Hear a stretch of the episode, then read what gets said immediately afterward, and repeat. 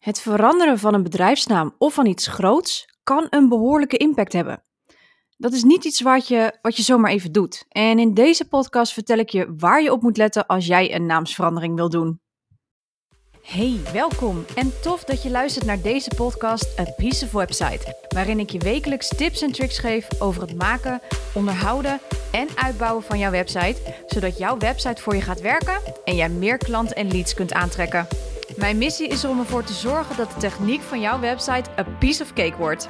Ik ben je host, Cheryl Porcelein, webdesigner en taggirl en dit is A Piece of Website, de podcast. Ja, welkom bij een supernieuwe aflevering. En ja, vorige week had ik natuurlijk een hele speciale aflevering van de podcast. Ik ga namelijk verder met deze podcast onder een nieuwe naam, A Piece of Website, in plaats van de Web Branding Podcast. Dat was best wel een ding. En in die aflevering van vorige week, aflevering 21, vertel ik je natuurlijk precies wat de reden is geweest van deze naamsverandering. En daarin gaf ik eigenlijk ook al aan dat een naamsverandering niet zomaar iets is en dat het goed doordacht en opgepakt moet worden. Nou, en in deze aflevering ga ik je natuurlijk vertellen waarom. Want misschien zit jij ook wel in een fase dat je aan verandering toe bent. En nu is mijn podcast nog klein, dus deze verandering is ook redelijk klein en heeft op dit moment geen mega impact voor mijn doelgroep en volgers en luisteraars. Uh, op lange termijn uiteindelijk wel in verband met de strategie daarachter natuurlijk en ook voor mij als persoon. Maar het was iets heel anders geweest als ik mijn bedrijfsnaam had veranderd bijvoorbeeld. Want dat is echt een enorm proces en dat gaat echt niet over één nacht ijs. Dus mocht je op dit moment denken uh, en je zit in een fase van een naamsverandering of andere veranderingen binnen je bedrijf, nou luister dan vooral even verder, want je moet natuurlijk met een aantal dingen wel echt rekening houden. Een naamsverandering is namelijk huge. Um, ik weet niet of je het mee hebt gekregen, maar een tijdje geleden kwam Allsecure, die verzekering voor auto's, met een aankondiging. Ze gingen namelijk een nieuwe naam aankondigen. Dus ze zijn dus nu uh, Allianz Direct, of Allianz Direct moet ik zeggen. En ik weet niet of je het hebt meegemaakt en of je erop op gelet hebt.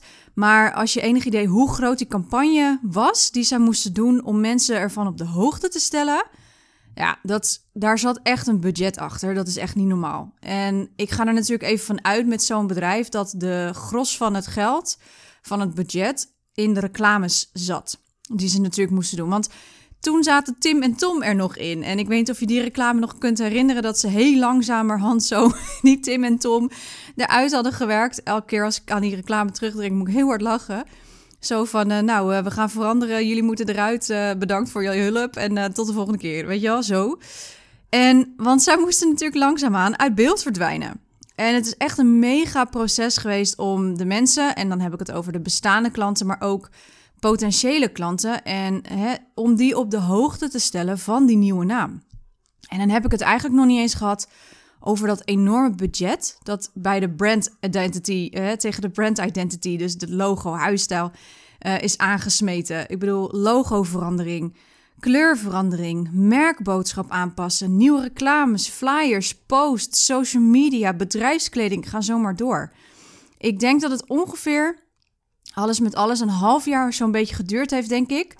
Uh, voordat zij volledig over zijn gestapt naar Allianz Direct. En nou doen zij dat heel goed met bekenden. Hè, want ze hebben dus nu Usain Bolt daarvoor gestrikt voor de Allianz Direct.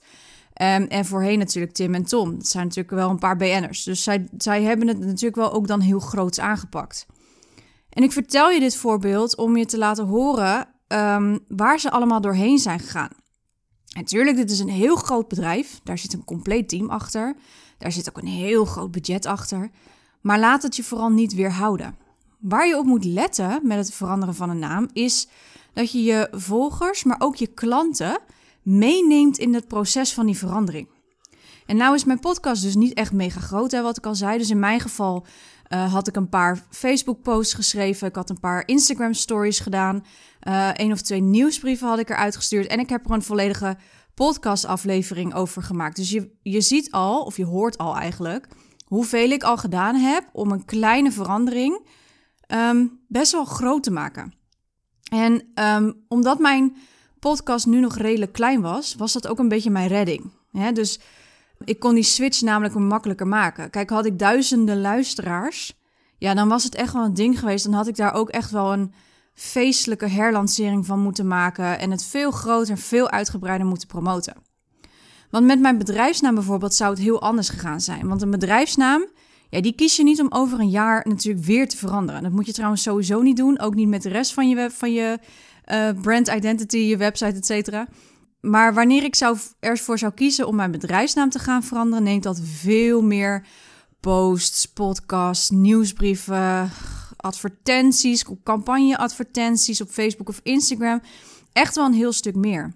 Want men moet namelijk langzaamaan wennen aan die nieuwe naam. Maar het gaat er ook om wat het idee erachter is. Als een, als een naam namelijk niet aanslaat of het klopt niet met wat je wil uitdragen, dan zullen mensen ook niet heel snel wennen aan de naam. En het gaat er natuurlijk ook om dat je gaat vertellen: oké, waarom verander je dan die naam? En wat wil je ermee bereiken met die naam? Of wat wil je überhaupt met het bereiken? Want ja, daar gaat het natuurlijk altijd om, hè? En kijk, en dan moet je mensen dus meenemen in het gehele proces van je naamsverandering. En ook dus daarna. Als jij je bestaande klanten, als die jou nog steeds moeten blijven doorverwijzen, dan moeten zij wel kunnen wennen aan de naam. En dan moeten ze die naam ook wel heel gemakkelijk kunnen onthouden. Dus um, ook hierin, de kracht van herhaling en consistentie is echt key. En je kan dat bijvoorbeeld doen, en dit is echt een heel klein dingetje, maar het kan best wel eens helpen. Um, is bijvoorbeeld wat je kunt doen, is in je nieuwsbrief een tijdje ergens neerzetten. En ook in je e-mailhandtekening bijvoorbeeld. Dat je hè, bedrijfsnaam X uh, wordt voor, uh, was voorheen bedrijfsnaam Y. Of dat je zegt, nou, mijn huidige bedrijfsnaam was dit. En uh, wordt vanaf zo en zo de deadline bedrijfsnaam X of Y. Dus dat, dat kan al heel makkelijk blijven staan voor een langere tijd. Zodat mensen het ook terug kunnen zoeken. En het ook weer kunnen um, ophalen in hun geheugen, om, om het zo maar te noemen. Maar ik denk het belangrijkste, dat wat ik bij Allianz dan heb opgemerkt, maak het een big deal. En dat komt ook al een beetje terug in deze podcast en het verhaal wat ik je net natuurlijk vertelde. Ehm, zorg dat het een soort herlancering wordt. Dat mensen nieuwsgierig worden naar wat jij gaat doen. Hou ze op de hoogte van die ontwikkeling en ook van de lanceerdatum natuurlijk. Hè? En dat ze dus net zo enthousiast worden als jij over je nieuwe naam. En je kunt er een leuke actie aan doen, of een weggever, of een korting, of iets anders wat bij jou past. Als ik het goed heb, dan uh, had Allianz had een uh, kortingsactie op de premie gedaan bijvoorbeeld. Maar kijk vooral wat er bij jou past. Daar gaat het natuurlijk om. Het is in ieder geval dus echt geen snelle keuze. Het is een keuze waar je goed over na moet denken, want je bedrijfsnaam veranderen komt vaak met veel meer veranderingen. dus let daar goed op. Kijk, in mijn geval was het voor de podcast, moest ik een nieuwe podcast cover uh, ontwerpen. Maar als jij je bedrijfsnaam wil veranderen, vaak gaat dat gepaard met um, je logo, vaak ook nog je kleuren, lettertypes, visitekaartjes moeten allemaal aangepast worden, want je hebt een nieuwe bedrijfsnaam. Je betekent ook waarschijnlijk dat je een nieuwe URL hebt, dus een nieuwe website. Um, dat betekent ook dat je uh, een nieuw e-mailadres heeft, hebt, want vaak komt een e-mailadres met een nieuwe website URL. Nou, dan heb je nog, sommige mensen hebben hun auto laten bestikkeren, dat moet je weer aanpassen. Of nog andere dingen, ja, weet je, noem het maar op. Nou, ik had zo'n klant die vorig jaar besloot um, die volledige huisstijl en website te veranderen. Daar heeft ze heel goed over nagedacht. Ze heeft 10, 10 15 jaar met dezelfde huisstijl rondgelopen. Um, de naam veranderde niet, maar uh, ze was zich wel heel erg veel bewust van wat het, wat het zou doen, zeg maar. Wat er allemaal bij kwam kijken als ze alleen al zei... ik wil de huisstijl veranderen, ik wil de brand identity aanpakken. Dus zij heeft daar ook absoluut in het budget ook rekening mee gehouden. Hè? Het logo werd aangepast, de visitekaartjes moesten allemaal opnieuw. Uh, ze moest haar auto opnieuw bestikkeren. Alle flyers, alle brochures, alle... Uh, want ze is een diëtiste en ze, ze werkt met supplementen. Dus ook de potjes uh, waar ze de supplementen in deed... die moesten allemaal opnieuw stickers krijgen. En natuurlijk die volledige website. Dus wees je er wel van bewust dat dit soort rigoureuze veranderingen, dat je daar echt wel een bepaald budget voor nodig hebt. Hè, om dit te kunnen doen. Je kunt best wel veel zelf doen. Hè. We kunnen best wel tegenwoordig best wel makkelijk een, een website opzetten of een visitekaartje maken. Maar er zijn dingen die je gewoonweg echt wel uitbesteden, zoals het maken van een logo. Dat adviseer ik eigenlijk altijd om dat gewoon echt bij een expert te laten doen. En dan hoop ik niet dat je nou denkt, jemig kremig, wat een hoop werk. Daar zit ik echt niet op te wachten, dus laat maar. Maar ik wil daar nog wel iets over kwijt. Want, ja, een naamverandering en huisstijlverandering is zeker een ding. Maar, En dit is een hele grote maar. Als het namelijk niet meer past en je daardoor niet meer lekker in je bedrijf zit, of je liever je, nou, sommige mensen schamen zich misschien voor een bedrijfsnaam, dat kan. Ehm, maar het kan ook zijn dat daar je aanbod door niet meer past, of hè, dat je niet meer goed kan aangeven van waar het nou ook alweer voor stond. En dat het niet meer matcht met, met wat je wil uitstralen, het gevoel wat je wil oproepen. Nou, noem het allemaal maar op. Dan zeg ik, neem die sprong. Want jij moet vol zelfvertrouwen kunnen ondernemen. En een passende naam daarbij is echt van uiterst belang. En ik merk het ook bij mezelf. Mijn bedrijfsnaam C Precision is nog steeds zeer passend. Ehm, daar zal ik wel eens een keer een post op mijn Instagram over schrijven. Ik heb deze naam echt al dik tien jaar. En het is nog nog steeds kloppend. Maar de naam van mijn podcast, en ik merk ook langzaam aan de academie die ik heb, de Web Branding Academy, ja, die paste gewoonweg niet meer. Waardoor ik dus het een obstakel vond. Ik merkte dat ik niet helemaal goed uit de verf kwam. Ehm, en tuurlijk, ik heb een paar goede podcasts opgenomen, maar ik, ik kwam niet verder met brainstorm sessies van welke onderwerpen moet ik nou doen. En man, het werd echt een soort van gevecht en een drempel waar ik maar niet overheen kon.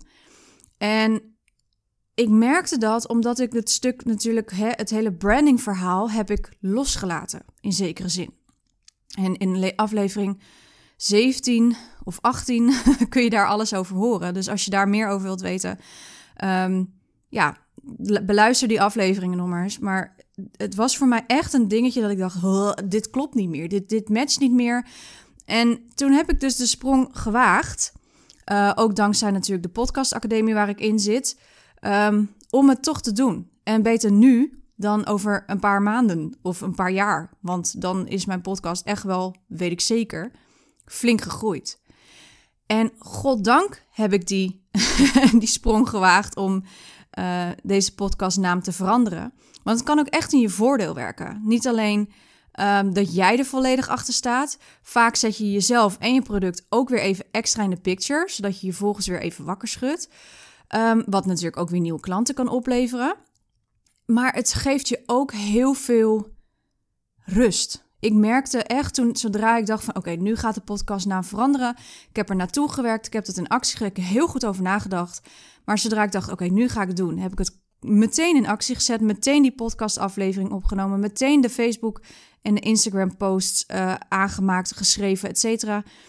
En ik merkte dat zodra ik die naam had veranderd, dat ik meteen inspiratie kreeg voor allerlei podcasts die ik nog wil opnemen.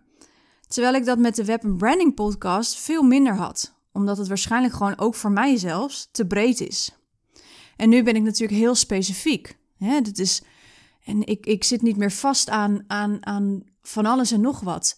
Um, het geeft juist iets meer vrijheid, merk ik. En ondertussen, terwijl ik deze podcast opneem, heb ik mijn uh, podcast Bijbel naast me liggen op de tafel, waarin ik dus al mijn ideeën opschrijf terwijl ik de podcast uh, ja, aan het maken ben. En tijdens het praten merk ik ook wel eens van, oh, dan krijg ik weer nieuwe ideeën. En oh, dat moet ik opschrijven van, uh, dit is een mooi onderwerp voor volgende keer. Maar ik merk dat me dat heel erg geholpen heeft um, ja, toen ik die naam van de podcast ging veranderen. Dus ja, weet je, als je in, in elk vezeltje van je lijf voelt, go for it Ehm, dan go for it. Weet je, als je denkt van ja, maar het, het zit niet lekker, het schuurt, dan, dan moet je er toch even echt uh, aan gaan zitten. Denk er natuurlijk wel goed over na, hè, ook op strategisch gebied vooral. Maar ik denk wel ook dat dit een keuze is die je kunt maken met je intuïtie. En dat je echt, zoals ik heb gedaan, echt op je intuïtie mag vertrouwen en mag zeggen: dit is het of dit is het niet. Dus um, ja, dat, was een tip van Flip Extra. dus weet je, ik hoop dat je, um, nou ja, dat je hierdoor geïnspireerd bent. Of dat je zoiets hebt van, ja, ik ben er inderdaad klaar voor om die stap te zetten. Doe het. Ik zou het leuk vinden als je mij daarin meeneemt. Dus laat me even weten als je in een verandering zit. Tag mij even op Instagram, @cherylporselein. En dan uh, ja, laat me even weten waar jij in zit en uh, wat jij gaat veranderen of waar je in ieder geval wil nog veranderen. Nou, dat was hem weer voor deze week. Ik hoop dat je hier wat aan hebt gehad. En voor nu wens ik je een hele fijne dag en tot volgende week. Ciao! Hey, super tof dat je luisterde naar deze podcast. Dankjewel. Voor je gaat, ik wil je nog even een paar dingen vragen. Wil je geen podcast missen? Abonneer je dan even. Klik in je podcast-app op de button subscribe of abonneren. Piece of cake, toch? Ook zou ik het echt te gek vinden als je een review via je podcast-app achterlaat. Bijvoorbeeld via iTunes. En naar bonuspunten als je mijn podcast doorstuurt naar iemand waarvan jij denkt dat hij of zij er ook iets aan heeft. En als laatste, ik vind het altijd heel erg leuk om berichtjes te ontvangen van luisteraars. Om te horen wat ze van de podcast vinden. Of misschien heb je vragen of suggesties. Misschien heb je wel een inzicht gekregen van een aflevering. Of ben je zelfs in actie gekomen. Stuur mij dan even een DM via mijn Instagram, @cherylporselein, Of maak een screenshot van een van de afleveringen in je Insta-stories en tag mij. Hoe meer ondernemers de podcast horen, hoe meer ondernemers ik kan helpen. Nogmaals, dankjewel voor het luisteren en tot de volgende aflevering.